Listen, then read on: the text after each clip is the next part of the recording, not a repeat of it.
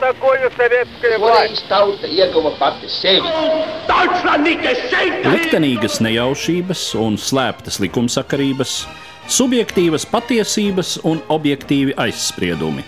Pēc atkušņa nekad nenāk uzreiz pavasars, bet sākās Arī šodien cilvēki ir ļoti tuvredzīgi. Viņi redz to naudu, kas ir. Televīzijā jau pamatā notiek cīņa par varu. Pagātne no šodienas skatu punkta un šodienas caur pagātnes prizmu. Raidījumā šīs dienas acīm. Katru svētdienu Latvijas radio eterā Eduards Liniņš. Labdien, cienījamie klausītāji! Rimma Zjubina ir viena no ievērojamākajām šodienas Ukrainas aktrisēm. Saņēmusi daudzas teātra un kino balvas, tostarp divreiz Ukrainas Nacionālo ikgadējo teātra balvu Kievas pektorāle un Nacionālo kino balvu Zelta vārpsta par lomu izcilajā režisora Tarasa Tkačenko filmā Dūja Sligzda. Viņa ir ne tikai skatuves māksliniece, bet arī sabiedriska darbiniece, aktīva brīvprātīgā Ukrainas bruņoto spēku atbalstītāja. 2017. gadā Rīma Zjubina tika iekļauta Ukrainas ietekmīgāko sieviešu sarakstā. Šī gada vasarā Rīma Zjubina viesojās Rīgā, Gertrūdas ielas teātrī, ar režisores Vladas Belo-Ozerenko iestudēto Andreja Ivanova lūgu Tā visa ir viņa kurā viņas skatuves partneris ir aktieris Oļegs Korkuško. Viesizrāžu laikā tapa mūsu saruna, kuru šodien piedāvāju jūsu uzmanībai. Tie тезисы, которые сейчас звучат. Kā jūs attiecaties pret tēzi, ka pēc Bučas un Irpiņas Dostojevskis, Puškins un Čaikovskis mūs vairs neinteresē principā?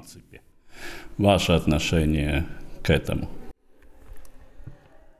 Це складне питання, але воно дуже актуальне, тому що ми поєднуємо культуру і народ, націю як одне ціле.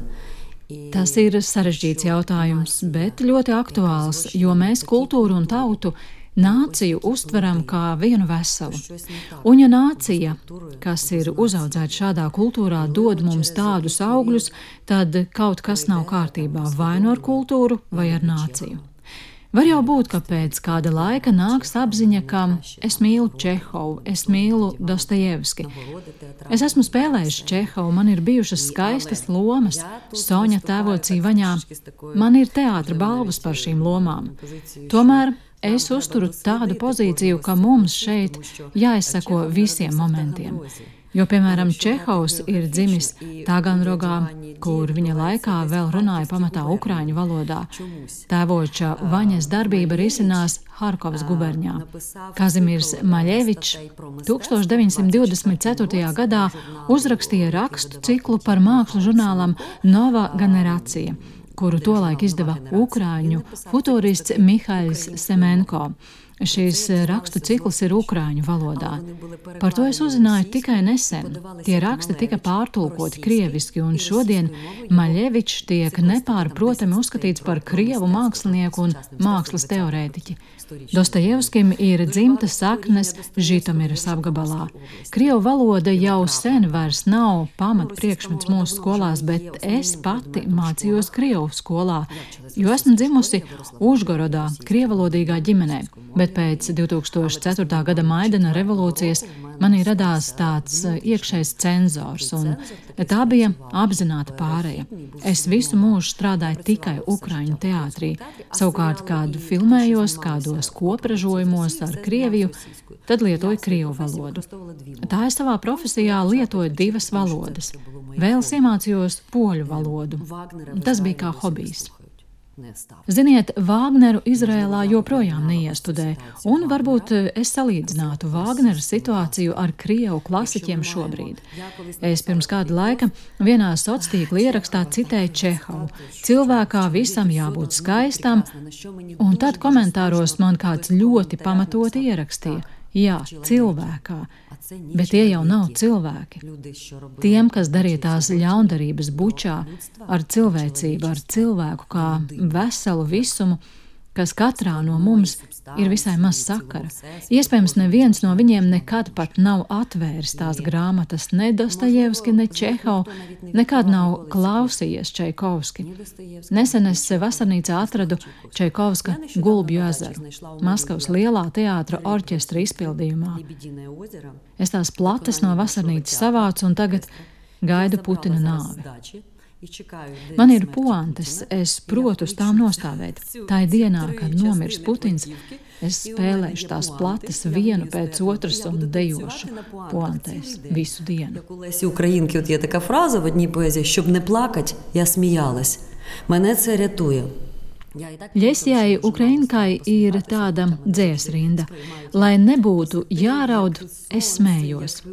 Mani tas glābj. Es jau sevi pieķēru, ka esmu sākusi mazāk smaidīt, lai gan apkārtējie mani uztver kā tādu iemiesotu pozitīvismu, kā saulīti, kā enerģijas lādiņu bateriju bet pat pēc tiem tīmekļa straumējumiem, kurus es veidoju pirmos divus lielā kara mēnešus, kad naktīs lasīju mīlas dzēju, es pēc tam jutos kā pēc nospēlētas izrādes.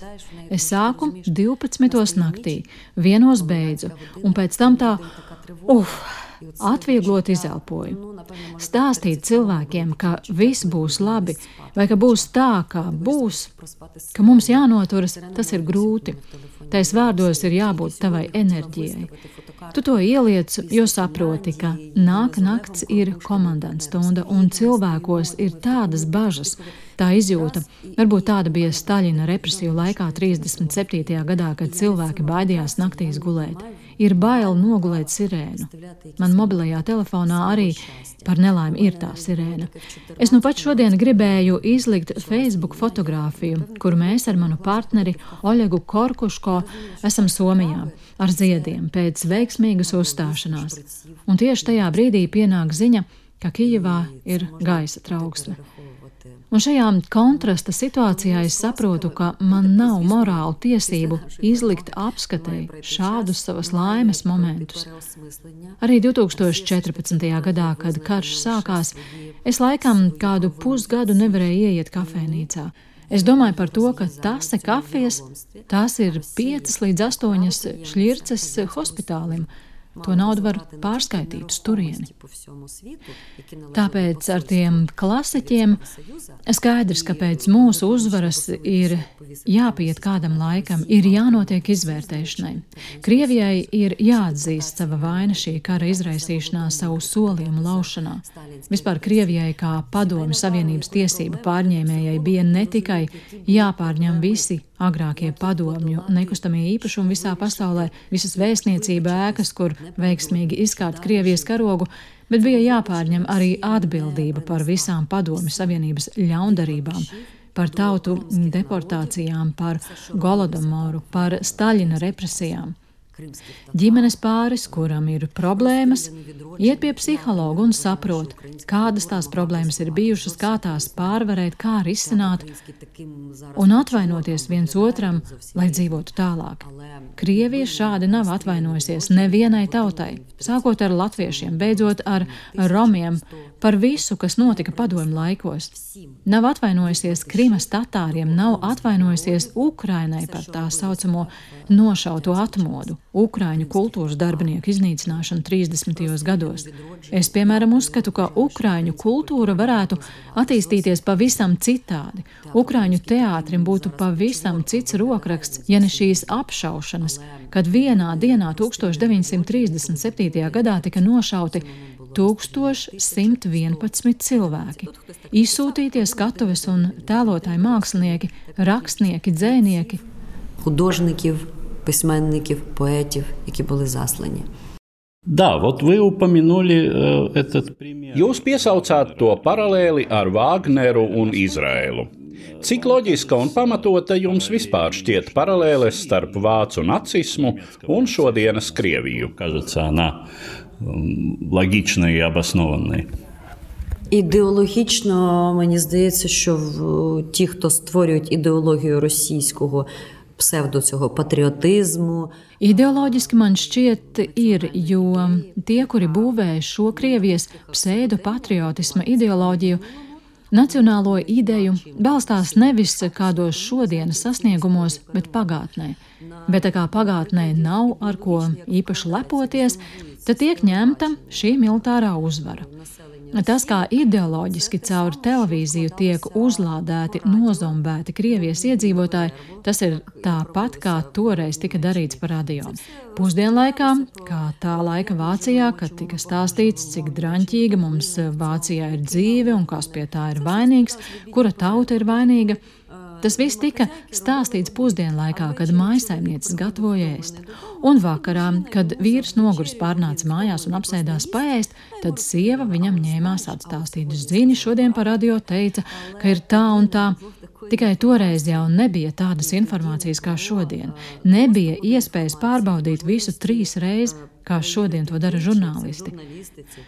Man ir skumji, ka cilvēks taču var ar vienu pogas spiedienu telefonā apskatīt visus pasaules muzejus, noskatīties visas eh, Federico Felīnī filmas, bet viņš izvēlas kaut kādus debilus video, kaut kādas tanciņu spēles un visu sevis notrulināšanai, nevis izaugsmai.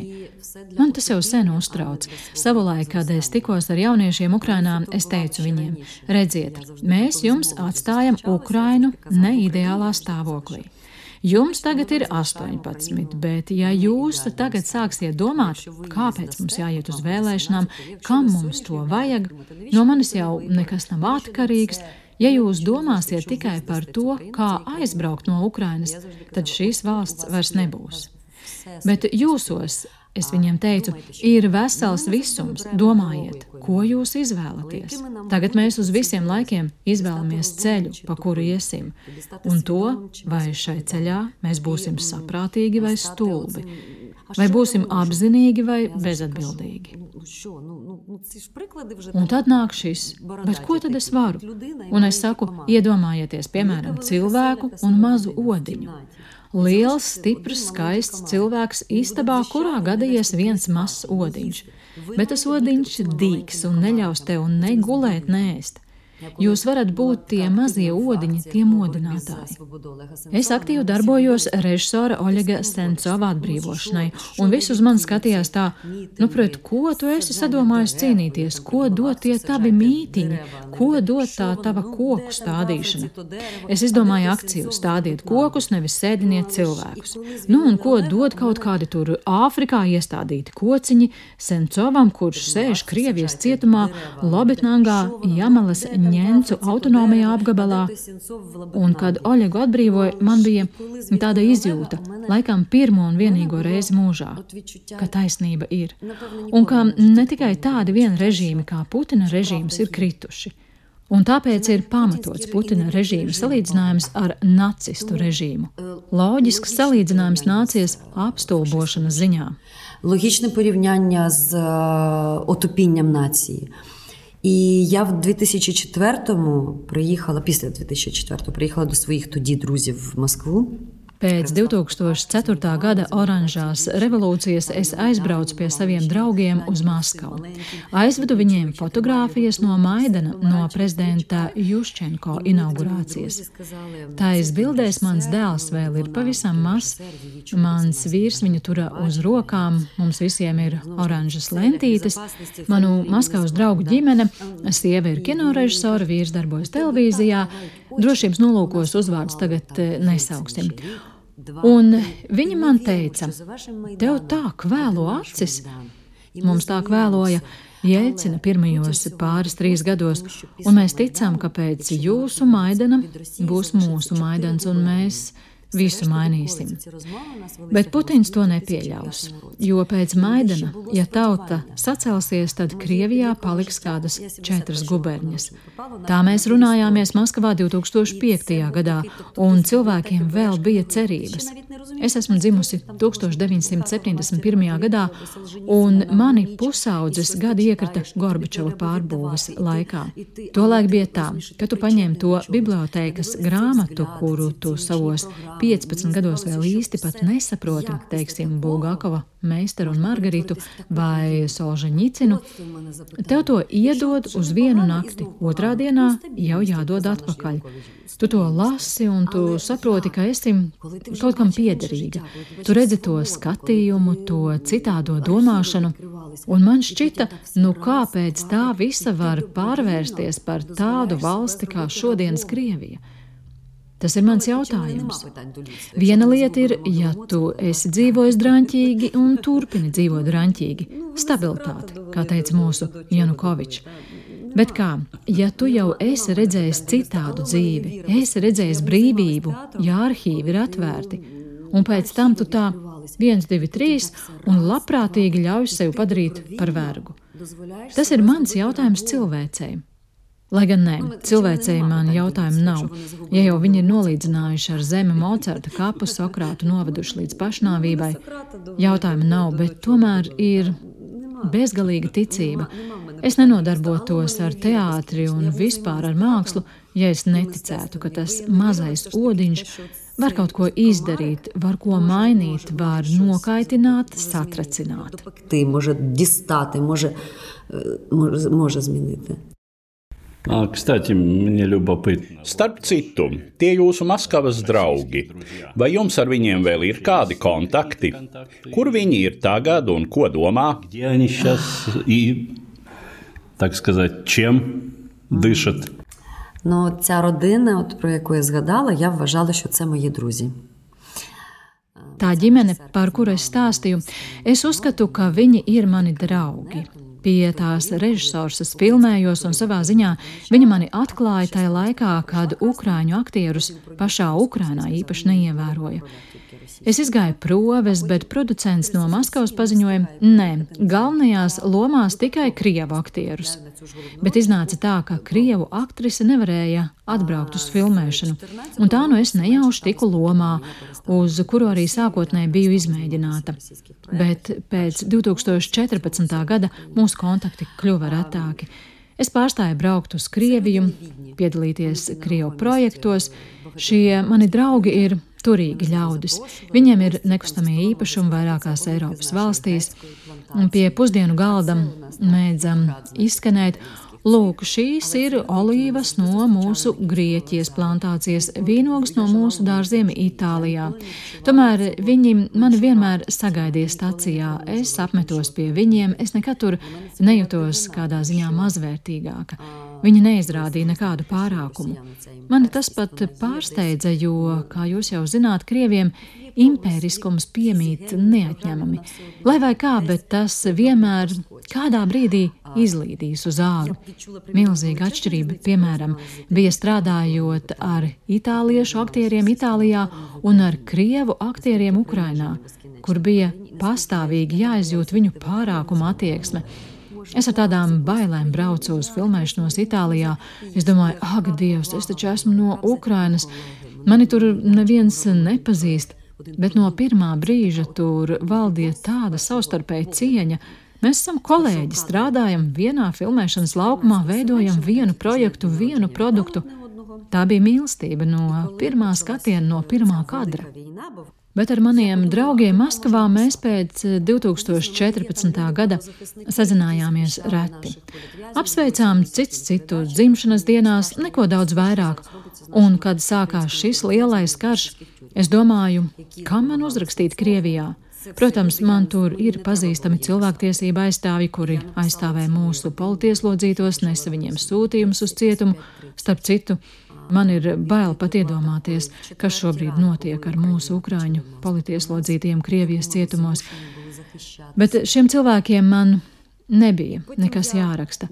Un tad es uzrakstīju tai ģimenei, kuru uzskatīju par saviem draugiem. Tas bija 24. februārī, 5.30 no rīta. Atbilde bija tāda: Četros no rīta jūs, Ukrāņi, mums uzbrukāt, un mēs bijām spiesti aizstāvēties. Un es rakstu viņiem uz to atbildi, rakstu un dzēšu, rakstu un dzēšu, meklēju vārdus, un tie visi ir tikai vārdi, vārdi, vārdi. Un tad pēkšņi man uzrakstījās teikums: pēc tam, kad Putins būs sagrāvis Ukrainu, viņš sagraus Krieviju. І раптом я просто пишу таке речення: вслід за руйнацією України Путін зруйнує Росію. Kā jums šķiet, Krievija, cik viss ar to ir bezcerīgi? На сьогоднішній день це повна безнадьога. Šobrīd tas ir pilnīgs bezceris. Tur nav kritiskās masas, nav ideju līderu. Nav cilvēku, kuriem uzticas, kuriem ir autoritāte un kuri šobrīd paustu citādāku viedokli. Sākot jau ar ļaudīm no mana aktieru ceha. No Ukrainas viņi veda projām naudu koferiem, čemodāniem. Tāpēc eh, nelidoju ar lidmašīnām, bet braucu ar vilcienu, lai nebūtu jādeklarē un jāmaksā nodokļi. Mūsu honorāri dolāros atšķirās par vairākām nulēm. Viņiem bija radīti visi vislabākie apstākļi. Cik no viņiem kaut ko ir pateikuši? Nu, labi, tu baidies izteikties. Tad paņem kādu daļu no honorāriem, kurus tu kaut pēdējo astoņu gadu laikā esi nopelnījis Ukrajinā, un pārskaiti. Ne jau armijai palīdz kādai ģimenei, kurai nodegus māja, palīdz kādam bērnam, kuram viņa acu priekšā nošauši mammu un tēti, atver viņam kontu bankā, nodrošina to bērniņu bet nekas tāds nenotiek. Mēs baidāmies, ka pēc kāda laika Ukrainas kino industrijā atkal parādīsies tie labie krievi, kuri būs atbalstījuši pareizo pusi, un to atkal stāvēs tajā filmēšanas laukumā par saviem 50 dolāriem, bet viņi par 500 vai tu par 500, viņi par 5000. Bet no otras puses, Lija Ahidžākova. Kas viņa ir? Ukrainas vai Krievijas aktrise. Mēs ar viņu piedalījāmies vienā Zoom iestudējuma projektā. Lietuviešu dramaturga Mārjusi Ivaškeviča Lugas bezsamaņa lasījumā, ko producēja Jevgeņija Šermeņeva un režisēja Oskars Koršanovs. Viss notika Zoom platformā, bet bija ļoti interesanti. Lūga ir par padomju karu Afganistānā, un tagad tas viss atkārtojas. Šīs mātes, kuras saņem paziņojumus par dēlu nāvi. Pamatā tādi paši teksti, monologi. Lūk, Lija, domājams, ne visi ukrāņu aktieri ir tik drosmīgi kā viņa. Nu tad uzskatīsim, ka Čehovs ir mūsējais, un Lija Ahidžakova ir mūsējā, jo ir no Dņepropetrovskas. Якщо так по корінню, по, по кому у вас родство? Та? Tā kā skatāmies pēc radiem, un tai nav noteikti jābūt piedzimšanai Ukrainā vai Ukrāņu vecākiem. Tu vari būt vienkārši šīs humanās idejas pārmantotājs un pretinieks tai otras puses nodevībai. Es ļoti bieži lietoju tieši šo vārdu - verolomstva, burtiski ticības laušana. Tas, ko viņi ir izdarījuši, viņi ir grāvuši cilvēku ticību valsts suverenitātei, valsts iespējām iet pašai savu attīstības ceļu, ticību taisnībai, ticību taisnīgumam. To ticību, bez kuras mūsos nomirst vislabākais. Mums jau visiem tagad ir šie izdzīvojušā kompleksi. Kāpēc tieši es esmu palicis dzīvs?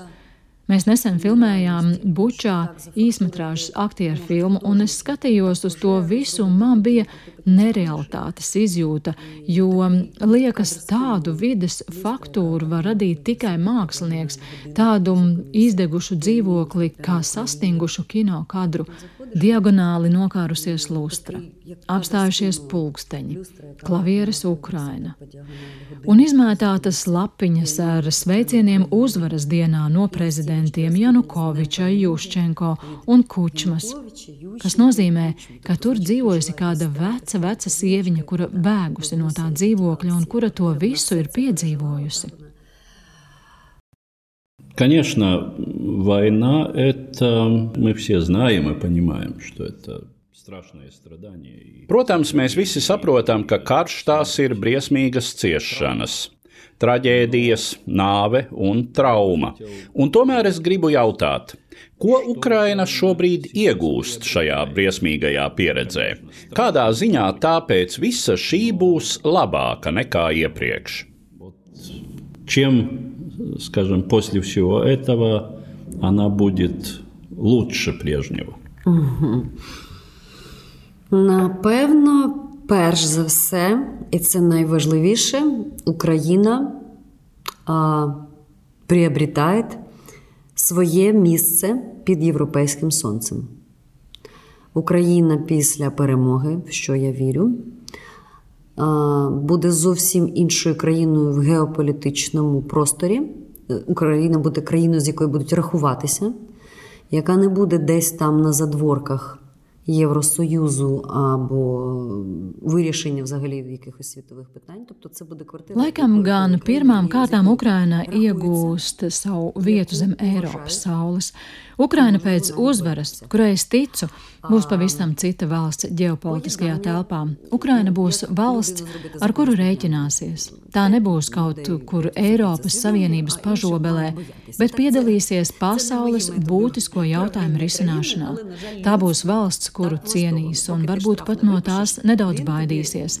Ukrainai šobrīd ir lieliski iespēja izrāvienam. Es mūsu valsti salīdzinātu ar vilcieniem.